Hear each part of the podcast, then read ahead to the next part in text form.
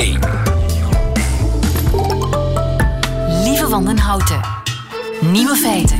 Dag en welkom bij de podcast van Nieuwe Feiten van 1 juni 2021 alweer. In het nieuws vandaag dat je nergens ter wereld zoveel kale mannen vindt op dit moment als in Turkmenistan. Kaal geschoren mannen zelfs. Enkele weken geleden riep de president van Turkmenistan nog een nieuwe nationale feestdag in het leven. Ter ere van de lokale soort herdershond. Maar zijn nieuwste wet is zo mogelijk nog excentrieker. De president zijn vader overleed een paar weken geleden en als teken van rouw moeten alle mannelijke ambtenaren en CEO's in het land hun hoofd kaalscheren. En 40 dagen lang een traditionele Turkmeense keppel dragen. Vrouwen die in staatsbedrijven werken worden verzocht om 40 dagen een zwarte rouwsjaal te dragen. De Turkmeense president kwam na de dood van zijn vader zeven dagen niet naar buiten. Intussen verschijnt hij wel weer in het openbaar en overtreedt hij ook wel een wet die hij zelf invoerde, namelijk de wet dat alleen witte auto's zijn toegestaan op de Turkmeense wegen. De president verplaatst zich tegenwoordig in een zwarte auto. Maar ja, hij is natuurlijk in de rouw. De andere nieuwe feiten vandaag. In hun eerste levensjaren wijzen tweelingen minder dan eenlingen. Vissen maken gebruik van de dramatische pauze, net als acteurs. Julian Schoenaerts bijvoorbeeld was een koning ervan. Of Toon Hermans. Diverse universiteiten in ons land die werken samen om het plastic in onze rivieren op te sporen. En Nederland raakt maar niet uitgepraat over de nieuwe schoenen van koningin Maxima. De nieuwe feiten van Nico Dijkshoorn hoort u in zijn middagjournaal. Veel plezier. Nieuwe feiten. Radio 1. De taalontwikkeling van tweelingen verloopt die eigenlijk anders dan die van eenlingen? Wel, blijkbaar wel. Evelien Dazeleer, goedemiddag. Goedemiddag. Je bent eh, logopedist aan de Universiteit van Gent. En het zijn collega's van u die video's hebben geanalyseerd van babytjes en peuters. En zowel van tweelingen als van eenlingen. En daarbij valt iets op, hè? Ja, dat klopt. Eh, dat zijn inderdaad eh, Turkse-Amerikaanse onderzoekers die gekeken hebben naar de interactie tussen ouders van tweelingen en eenlingen uh, bij peuters. en ze hebben vooral gekeken naar de gebaren die ouders daarbij gebruiken. Gebaren maken natuurlijk een belangrijk deel uit van communicatie. Die vallen onder de non-verbale communicatie. En men heeft dan een vergelijking gemaakt tussen de hoeveelheid van gebaren uh, en de complexiteit van gebaren die ouders gebruiken uh, in die communicatie. En er is een verschil tussen, tussen tweelingen en eenlingen? Uh, ja, dat klopt. Dus wat hebben de onderzoekers gedaan? Ze hebben eigenlijk uh, de ouders laten spelen met hun kinderen gedurende een kwartiertje. En dan hebben ze eigenlijk geobserveerd dat ouders van eenlingen uh, meer gebaren gebruiken, ook veel meer verschillende gebaren gebruiken en complexere gebaren tijdens die communicatie. En dat ouders van tweelingen dat dus een stukje minder deden. En gebaren, dat is dan vooral wijzen naar iets en zeggen dat is een stoel? Goh, wel, we gebruiken eigenlijk verschillende gebaren als we communiceren uh, met, uh, ja, met iedereen, maar ook met kinderen. Maar de meerderheid van die gebaren zijn inderdaad verwijzende gebaren. En, dat is en dus dat je een stoel de... aanduidt en van kijk daar. En het, kan, um, het, is vaak ook zo dat het babytje of het peutertje zelf wijst en zegt van... En dan moet ja, papa absoluut, of mama hè? zeggen, ah, dat, dat is een boek. Dat is voilà, oma. daarbij is het ja, daarbij is het belangrijk dat je daar dan op inspeelt als ouder. Hè. Dan kom je tot gedeelde aandacht. En dat is net een heel belangrijk moment waar er eigenlijk die taal volop um, in ontwikkeling komt en volop kan, kan uh, gekoppeld worden eigenlijk. Hè. Het is het aller, de allereerste stap van de taalontwikkeling is precies dat wijzen. Goh, uh, het is toch inderdaad een, een, belangrijke stap, omdat je natuurlijk op die manier ja, naar, naar een gedeelde aandacht rond een voorwerp komt en dan kan je daarover beginnen praten. Dus en, als je die gedeelde aandacht nog niet hebt, dan is het natuurlijk uh, moeilijker. Hè? En dus bij tweelingen wordt er minder gewezen dan bij eenlingen? Uh, ja, dat klopt. Nu, het is niet alleen uh, het minder wijze naar. Ze gebruiken eigenlijk, of ouders gebruiken in het algemeen eigenlijk minder um, gebaren in die communicatie. Um, nu, we zien enig idee waarom? Um, ja, we zien um, niet alleen uh, die verschillen terug op vlak van gebaren, maar ook uh, op vlak van uh, taal in het algemeen zien we kleine verschillen tussen tweelingen en En er zijn verschillende verklaringen voor. Een van de verklaringen is natuurlijk dat uh, een tweelingenzwangerschap ook net iets complexer is. Um, ook wat meer risico geeft op vroeggeboorte um, en op een laag geboortegewicht. En van vroeggeboorte weten we natuurlijk dat dat een impact heeft op de taalontwikkeling. Nu, het gaat verder dan dat, want in ons eigen onderzoek hebben we ook gezien dat als we enkel kijken naar de kinderen die uh, term geboren worden, dus na een uh, voldragen zwangerschap, dat er ook daar eigenlijk kleine verschillen zijn tussen tweelingen en eenlingen. En dan moeten we het net gaan zoeken in de interactiepatronen binnen een gezin. En een logische verklaring daarbij is dat ouders natuurlijk hun aandacht een stukje moeten verdelen. Hè. Als er twee tegelijkertijd hebben van eenzelfde ontwikkelingsniveau, dan heb je eigenlijk minder één-op-één reacties met het kind. Ja. Um, wat zich dan natuurlijk kan vertalen in kleine verschillen in de taalontwikkeling. Ik kan me ook voorstellen dat die kinderen, die, die tweelingen, onderling veel meer communiceren. En dat dat een beetje ten koste gaat van de communicatie tussen kind en ouder. Ja, dat is heel juist. Hè. Um, dus eigenlijk, hoe leren kinderen taal? Wel, ze leren dat ook heel spontaan uh, uit hun omgeving, hè, dus door het taalaanbod. Uh, en daarbij zien we dat ouders natuurlijk, als ze praten met hun kinderen, het niveau van hun taal eigenlijk net iets complexer maken, waardoor een kind eigenlijk heel snel taal gaat oppikken uh, uit de omgeving. Natuurlijk, bij een tweeling zie je dat eigenlijk die kinderen onderling heel veel gaan communiceren. Dat is zijn dan twee kinderen met een gelijk ontwikkelingsniveau. En zij zijn dan iets, of zij worden iets minder gestimuleerd dan eigenlijk uh, om die taal verder te ontwikkelen. En beginnen ze daarom later te praten?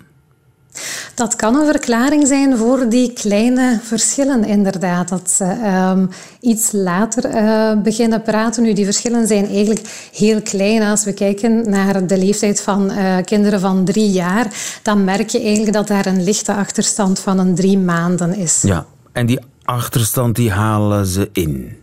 Ja, ja we, hebben, eh, we waren daar zelf ook heel benieuwd naar. Um, dus we hebben eigenlijk ook eh, een onderzoekje gedaan waarbij we dan eens gekeken hebben naar kinderen die ouder zijn dan 12, hè, tussen 12 en 14 jaar. En daar vonden we eigenlijk die verschillen helemaal niet meer. Hè. Dus, dus ze, ze, halen eigenlijk die, in, die achterstand in, omdat natuurlijk hun leefwereld ook veel uitgebreider wordt en omdat ze natuurlijk niet alleen interactie hebben met elkaar, maar natuurlijk ook met vele anderen uit de omgeving. Ja, maar toch misschien iets waar ik als ouder iets, iets of wat moet op letten als ik een tweeling heb, dat ik daar voldoende mee communiceer. Dat ik niet ervan uitga, oh, die spelen wel met elkaar. Die... Uh, ja, absoluut. Ik denk dat is natuurlijk ook zo als je meerdere kinderen hebt. Hè. Uh, taalaanbod is eigenlijk heel belangrijk in de taalontwikkeling van kinderen. Dus het is als ouder altijd uh, heel belangrijk dat je eigenlijk een, een rijk taalaanbod geeft. Hè. Een gevarieerde woordenschat aanbiedt in je taal. Um, zodanig dat kinderen echt wel de mogelijkheid krijgen hè, om die woordenschat uit te breiden. Maar ook om hun zinnetjes bijvoorbeeld langer en complexer te maken. Dank je wel. Dus een goede één-op-één reactie die blijft belangrijk altijd. Uiteraard. Evelien Dazeleer, logopedist aan de Universiteit van eh, Gent. Hartelijk dank voor deze verhelderende toelichting. Dank Tweelingen wijzen minder dan eenlingen. Dat wist ik niet.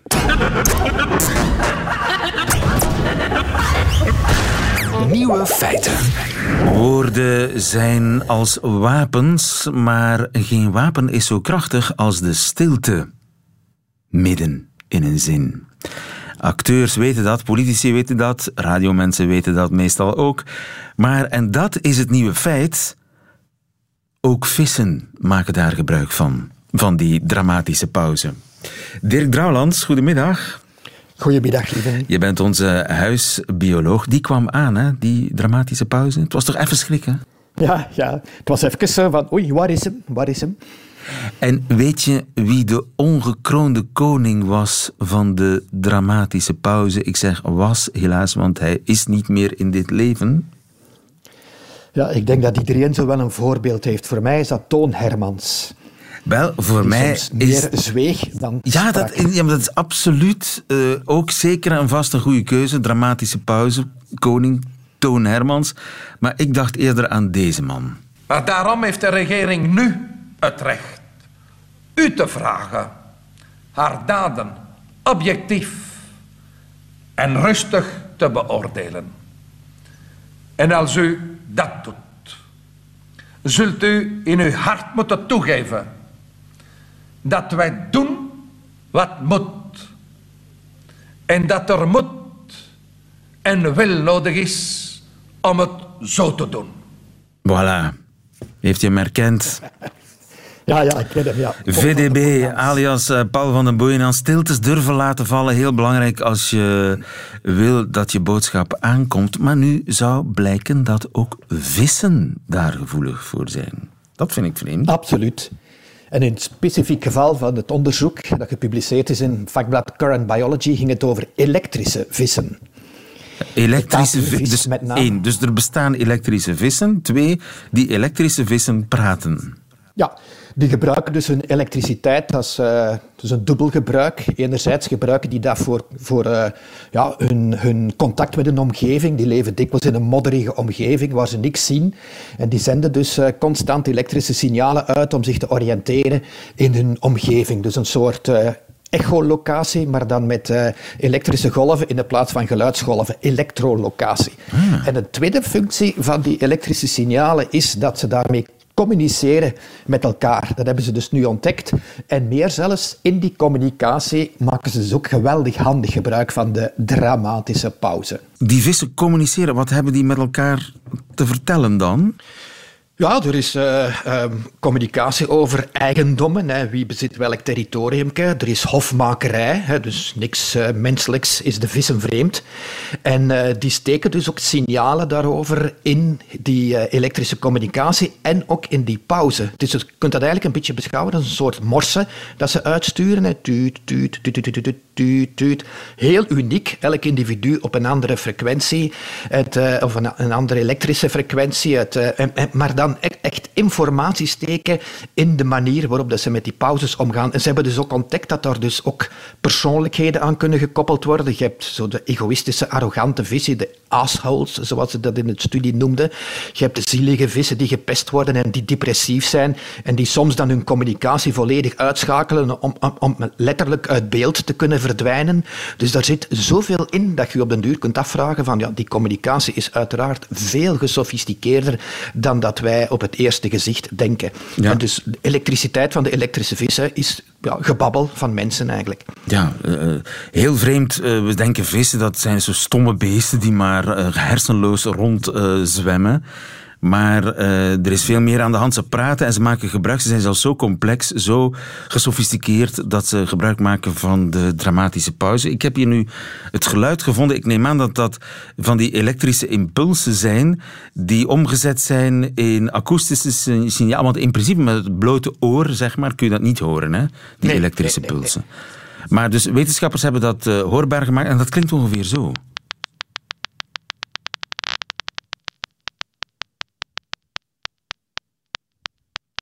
Aan dat jij geen ehm vissers praat, Dirk. dat je het niet kunt verstaan. Niet dat klinkt wat geweldig opwindend. Deze, wat deze vis eh, te vertellen heeft. Hopla. En, Ja. je, en je hoort... Het is wel grappig, er zijn ook wetenschappers die bijvoorbeeld hè, die hebben die vissen in aquaria, die hebben daar elektro- elektrodes op gezet op die signalen van die vissen en dat die met een versterker gelinkt aan hun kerstboom en die konden hun kerstboomlichtjes laten flikkeren op basis van dat geluid van dat die vis, allee, dat geluid, op basis van die elektriciteit die die vissen in die aquaria maakten. Dat was geweldig grappig. En zijn het alleen een, een beperkt aantal hele specifieke vissen die dat kunnen? Nee, het is, het, is, eh, het is een mogelijkheid die minstens zes keren in de viswereld onafhankelijk van elkaar is ontstaan. Hè. Dus je hebt niet alleen die tapirvissen, waar dat deze studie over ging, maar je hebt ook bepaalde katvissen, de fameuze sideralen, die geweldige stoten kan geven, maar dat is dan om prooien te liquideren. Dat is ook een groot beest die grotere prooien vangt. Dus, eh, dus Die elektrocuteert zijn prooi, als het ware. ja, ja, ja. En de grote gemene deler tussen die dieren is modder. Dus blijkbaar is uh, gebruik van elektriciteit in uh, modderige omstandigheden een heel nuttige manier om te communiceren. En het intrigerende is dat die, op die zes verschillende plekken het, het systeem eigenlijk een beetje vergelijkbaar is, onafhankelijk van elkaar ontstaan. Maar het is een, uh, de communicatie is gebaseerd op een dubbele evolutionaire ontwikkeling. Enerzijds zit er vlak voor de staart, in het geval van de tapirvissen dan, maar hebben die vissen namelijk een spierbatterij.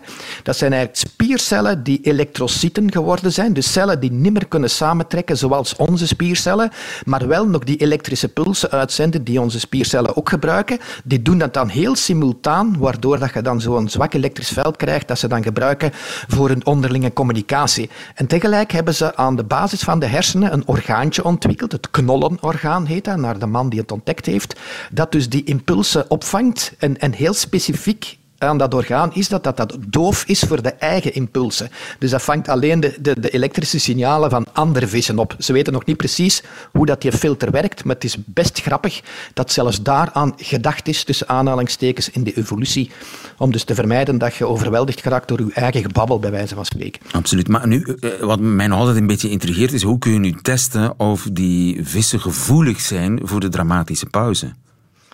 Ja, dat is een heel reeks gedragsexperimenten die daarmee te maken gehad heeft. Als een, vis alleen in een bak zit, dan heeft hij geen pauzes. Dan, dan stuurt hij constant een signaal uit om zich te oriënteren. Hè. Als je vissen in koppel in zo'n bak zet, dan heb je meer reactie van de andere vis, hoe langer de pauze van een ene vis duurt. Als je koppeltjes hebt, dan is er een grotere kans op hofmakerij na een dramatische pauze dan zonder die pauze. En als je dat dus dikwijls genoeg doet met meer vissen, met, met veel vissen en lang genoeg, dan kun je daar effectief statistieken op uh, loslaten, waardoor dat patronen inzien. En dan zie je dat eigenlijk de belangrijkste boodschap komt na een stilte. Ja, ja, ja, de dramatische pauze is cruciaal voor het succes van de tapiervissen. En uh, dat is een nieuw feit. Waarvoor dank, Dirk Drouwlands. Goedemiddag. Goedemiddag, lieve. Nieuwe feiten. En de held van de dag vandaag is Colin Jansen, want hij werkt mee aan een nieuw systeem om plastic uit onze rivieren te halen. Goedemiddag, Colin. Goedemiddag. Je bent uh, hoogleraar milieutoxicologie in Gent. Uh, plastic in de Schelde of de Leie, uh, dat is een heel groot probleem, want ja, dat plastic komt uiteindelijk in de zee terecht, hè? Dat klopt. We weten wereldwijd dat uh, 80% van het plastic die in zee terechtkomt, ooit van het land komt. Hè? En hoe komt het daar? Is via de snelwegen die rivieren en kanalen zijn. Dus uh, wat we op land doen, komt ooit in zee terecht. Ja, en eenmaal in de zee is het moeilijk nog op te kuisen, hè? dat weten we. Ja, dat klopt. Uh, zeker als je dan naar de klein, kleine deeltjes uh, plastic gaat, dan, dan kan je dat er niet meer uithalen. Eens in zee, dan, dan is het daar voor altijd. En kleine deeltjes, bedoel je dan die onzichtbaar kleine deeltjes of gewoon kleinere brokjes plastic die je nog kunt zien? Wel, gedefinieerd als minder dan 5 mm. Um, maar uh, we hebben heel, heel kleintjes, van enkele micrometers tot enkele honderden micrometers. En dat zien we niet, maar dat is wel aanwezig. Dus je moet het gewoon zien, het is een continu proces. Groot plastic wordt klein plastic, wordt altijd maar kleiner en wordt onzichtbaar. Maar is er wel ja. en gaat naar zee. En de kwestie is dus, omdat voor uh, het in het, zee, in, de, in het zeewater terechtkomt, om dat eruit te halen. Maar waar zit dat microplastic dan in onze rivieren en plastic in het algemeen? Weten we dat eigenlijk? Wel, dat weten we niet zo goed. We weten wel uh, min of meer dat het er zit. Maar waar het precies zit, als het nu drijft of ergens in de waterkolom zweeft of snel zinkt, dat begrijpen we nog niet zo goed. Uh, zowel voor groot plastic, zeg maar uh, plastic flessen en zo verder, maar ook voor die microplastics weten we dat niet. En dat is hetgene die we nu precies gaan uitzoeken, is waar blijven die microplastics hangen, drijven ze, gaan ze naar de bodem en hoe snel gaat dat, zodanig dat we het transport eigenlijk kunnen begrijpen vanuit de rivieren naar de zeeën. En als we dat kunnen begrijpen en modelleren, en dat willen we uiteindelijk doen met ons consortium, met KU Leuven, met Vlaams Instituut voor de Zee met de Universiteit Antwerpen. Dat proberen we te begrijpen, zodanig dat we dit kunnen modelleren. En op de plaatsen waar er veel zit, proberen weg te vangen. Ja, ja. Maar ik vind het zo raar dat we eigenlijk nog geen systeem hadden om te lokaliseren waar er plastic in onze rivieren zit. Uh, nee, dat hebben we nog niet. We, we, kunnen, we hebben wat observaties en dat is van de oppervlakte. Ah, maar dat zijn allemaal puntmetingen. Maar eigenlijk willen we dit, dit, dit continuum en het dynamisch proces van hoe, gaat het van punt A naar punt B en hoe snel gaat dat, uh, dat willen we beter begrijpen. En wereldwijd uh, is, is eigenlijk nog niets voorhanden om dit te om dit te modelleren. Dus dat is echt pionierswerk, want er kunnen zo ja, uh, uh, wolken plastic soep aan de, op de bodem van onze rivieren drijven, die dan plotseling uh, ja, hun weg maken naar Antwerpen en, en vervolgens naar de zee. Maar we weten dat eigenlijk ja. nog niet eigenlijk weten we, we weten het is aanwezig, maar hoe snel dat die zo'n wolk hè, of, of zo'n concentratie zich verplaatst door die rivier, hoe snel het bezinkt en dus zich niet meer verplaatst, dat weten we eigenlijk nog niet zo goed. Wat ik ook niet zo goed begrijp is, ik gooi, zoals de meeste mensen, mijn, mijn flesje netjes in de vuilbak. Ik recycleer mijn plastic afval. Hoe komt plastic in de rivier terecht? We hebben heel veel uh, bronnen, als je wilt. De eerste bron, uh, daarvoor niet de belangrijkste, maar een bron is gewoon ons afvalwater van onze huishoudens. Uh, daar gaat er uh, heel wat uh, plastic ook door onze putjes, zeg maar. Ja. door, door, door, door onze waterlopen. wel, het gaat zo naar de waterzuiveringsstation. In de waterzuiveringsstation wordt er heel veel weerhouden, maar toch gaat een kleine fractie dan in onze rivieren. Nu, ook niet alle huishoudens zijn aangesloten op waterzuiveringsstations, dus dat is ook een bron.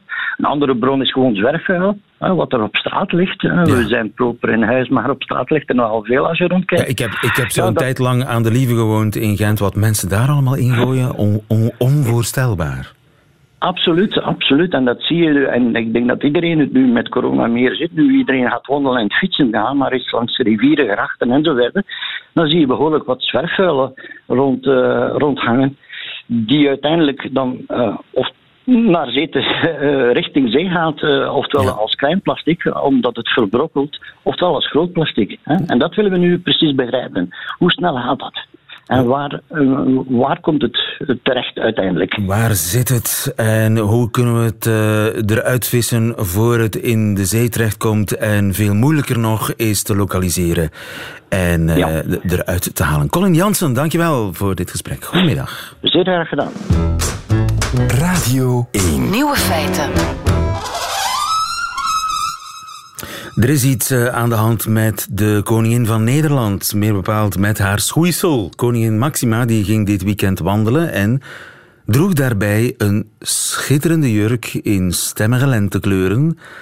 Maar wat voor schoenen had ze toch aan? Die schoenen die zijn inmiddels uitgegroeid tot een staatszaak in Nederland. Veerle Windels, goedemiddag. Goedemiddag, lieven. Modejournalist bij De Standaard. Kan je die schoenen even beschrijven? Ja, uh, niet echt lente, lentebloesems daar, zou ik zo zeggen. Zwarte, zwarte, zwarte schoenen op een doorlopende zool, een dikke zool ook. Dus lekker makkelijk om te wandelen. Uh, ja, wat we in het jargon een mocassin noemen, dus zonder veters. En uh, ja, een beetje met een hoge wreef zo. Niet meteen vrouwelijk, maar wel heel lekkere stappers. En wat mij betreft ook heel modieuze stappers. Uh, modieus, daar is discussie over. Want als ik, ik heb intussen de foto gegoogeld. Eh, volgens mij heb ik mijn tante Gabi en mijn tante Godlieve daar nog in zien rondlopen. Kan dat? Dat, dat zou kunnen natuurlijk. Maar tante Gabi en Godlieve waren in hun tijd misschien uh, niet zo heel modieus. Maar vandaag de dag worden dat soort dingen wel weer gedragen hoor. Uh, er is natuurlijk uh, niet zoiets als één stijl en één smaak. Hè. Je mag gelukkig heel veel stijlen door elkaar graag zien en dragen, ook als je dat zelf wil. In dit geval zou ik zeggen dat uh, we, we, komen toch naar een moment in de tijd waar mensen dragen waar ze zin in hebben.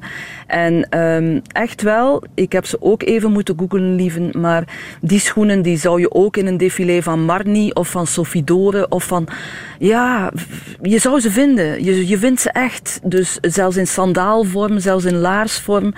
Ze zijn natuurlijk niet in, niet wat we noemen vrouwelijk en sexy zoals mensen vaak kijken naar vrouwelijk en sexy. Platte ik denk dan in een ja, maar eh, wat, wat zou er nu gebeurd zijn, zeg dat nu eens eerlijk, als Maxima was gaan wandelen op hoge Versace-sandalen? Zouden we dat dan zo fijn gevonden hebben?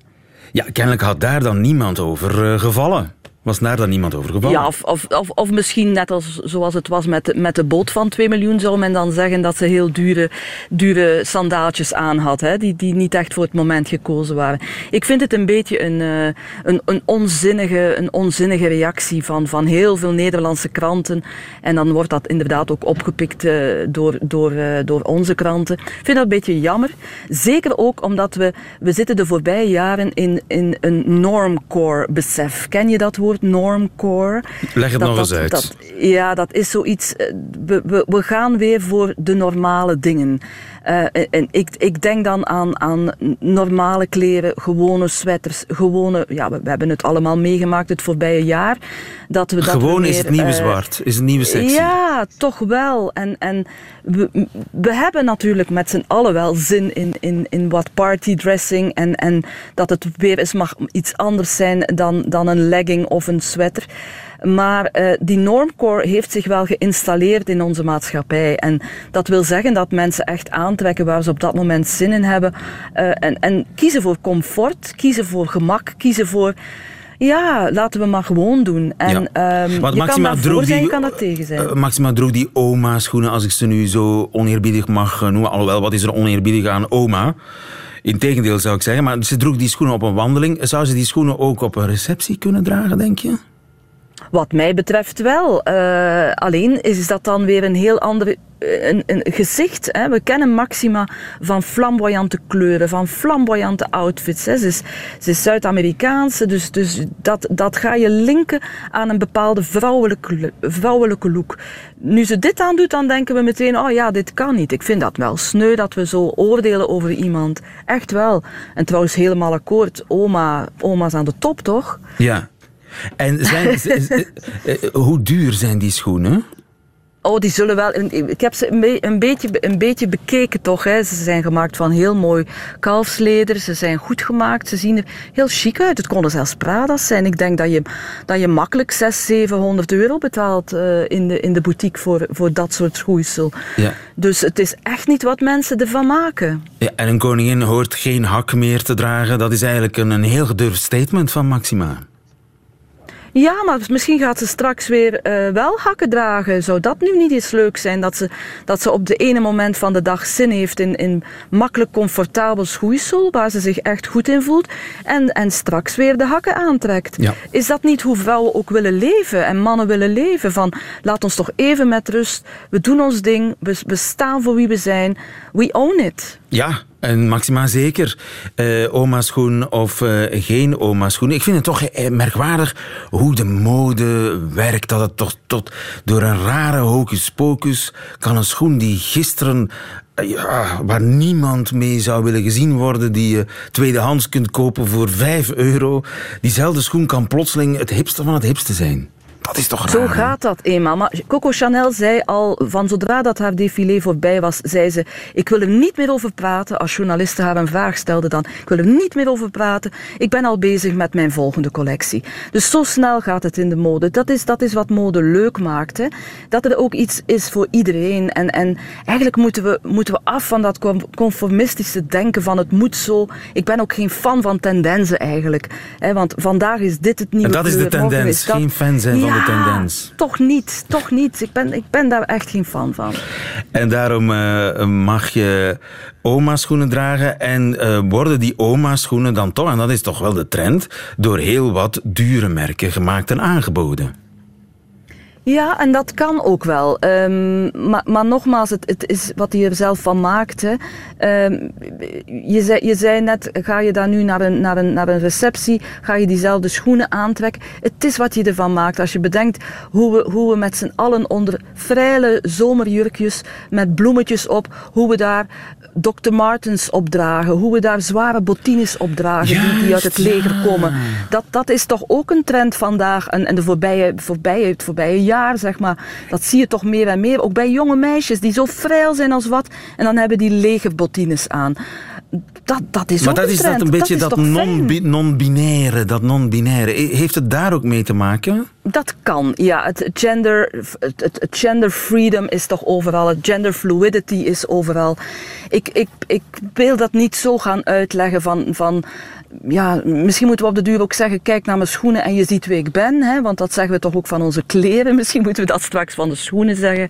Maar ik, ik, ik ik weet niet of we het, of het zo ver moeten, moeten duwen, hè, dit verhaal. Maar het zou best eens kunnen dat, dat ook dat soort schoenen uh, en, en het, het vrouwelijk-mannelijke aspect. We hadden het in de jaren twintig, had je ook garçonnenstijl, waar, waar vrouwen hun, hun koepen, haarkoepen veranderden, andere kleren gingen dragen, schoeisel gingen dragen dat, dat uit, de, uit de mannenkleerkast gepikt was. Dus je, je, je ziet het misschien nu wel terugkomen door, door heel die, die problematiek en, en, en, en Gelukkig maar, zou ik dan en, denken. En bij, bijkomend voordeel, ze zitten comfortabel.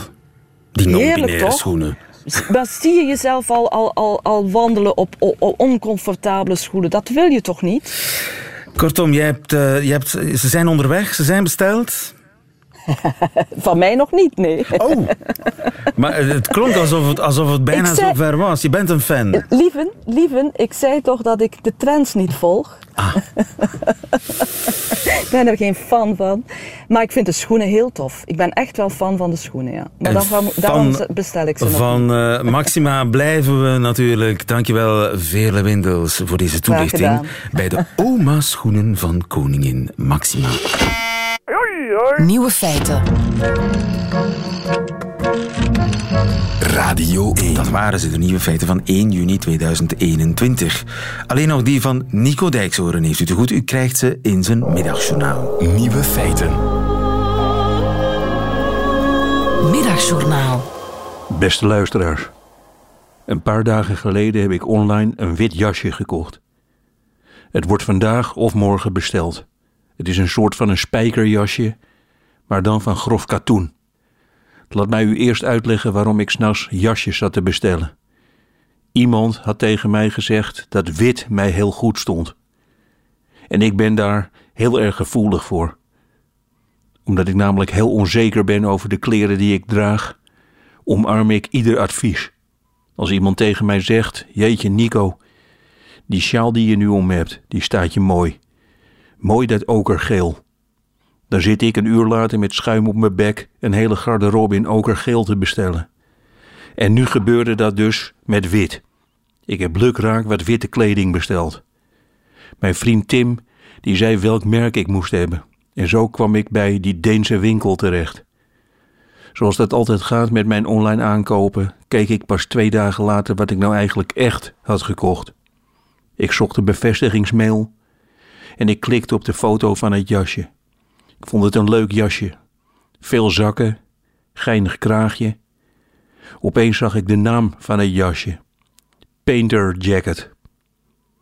Ik had een schildersjasje gekocht. Of in ieder geval iets wat op een schildersjasje leek. Anders noemden die mensen het niet zo. Luisteraars, nu kan ik wel huilen. Er zijn natuurlijk ergere dingen. Zoals Kevin de Bruyne die moet voetballen met een gebroken oogkas en een Hannibal Lecter masker op zijn kop. Maar dit is ook heel erg. Ik haat schilders met jasjes. Schilders, als die boodschappen gaan doen, dan trekken ze snel hun schildersjasje aan. En bij de mouwen en aan de zijkant zitten allemaal verfvlekken. Die hebben ze er snel nog even opgezet. Voor de zekerheid doen ze ook nog wat verf in hun haar, zodat iedereen bij de bakker denkt: deze man, ja, dat is een schilder. Vrouwen, die doen dit nooit. Die schilderen gewoon en die doen iets leuks aan. Alleen mannen hebben speciale schildersjasjes. Schildersjasjes hebben ook heel veel zakken, zodat ze overal altijd een penseel in kunnen steken. Ook weer zodat de mensen zien dat ze schilders zijn. Eigenlijk is het bedrijfskleding. En zo'n jasje heb ik dus besteld.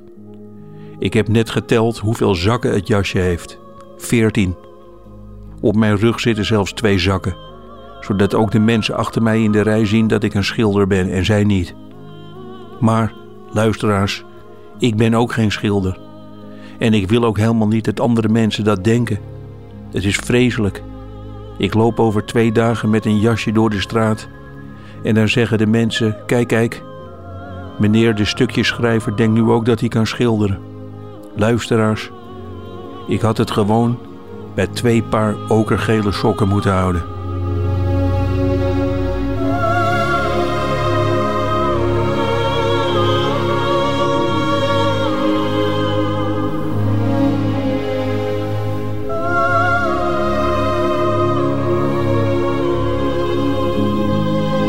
Armenico Einde van deze podcast. Hoort u liever de volledige uitzending van Nieuwe Feiten? Dat kan natuurlijk via radio1.be of via de Radio 1 app, waar u overigens nog veel meer fijne podcasts vindt. Tot een volgende keer.